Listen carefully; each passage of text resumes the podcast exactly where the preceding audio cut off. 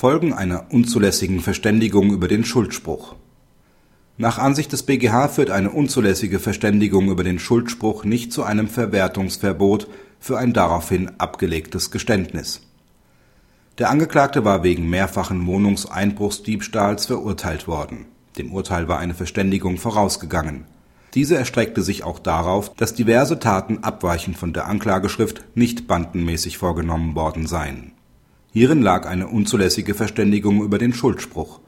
Dies führte des nicht zu einem Verwertungsverbot für das im Zuge der Verständigung abgelegte Geständnis. Denn ein solches Verbot besteht nur in den in § 257c Absatz 4 Satz 1 und 2 StPO aufgeführten Fällen des Scheiterns einer Verständigung.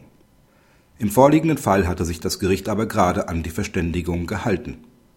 Ausblick es ist davon auszugehen, dass Verständigungen über den Schuldspruch entgegen der Intention des Gesetzes in der Praxis durchaus häufiger vorkommen.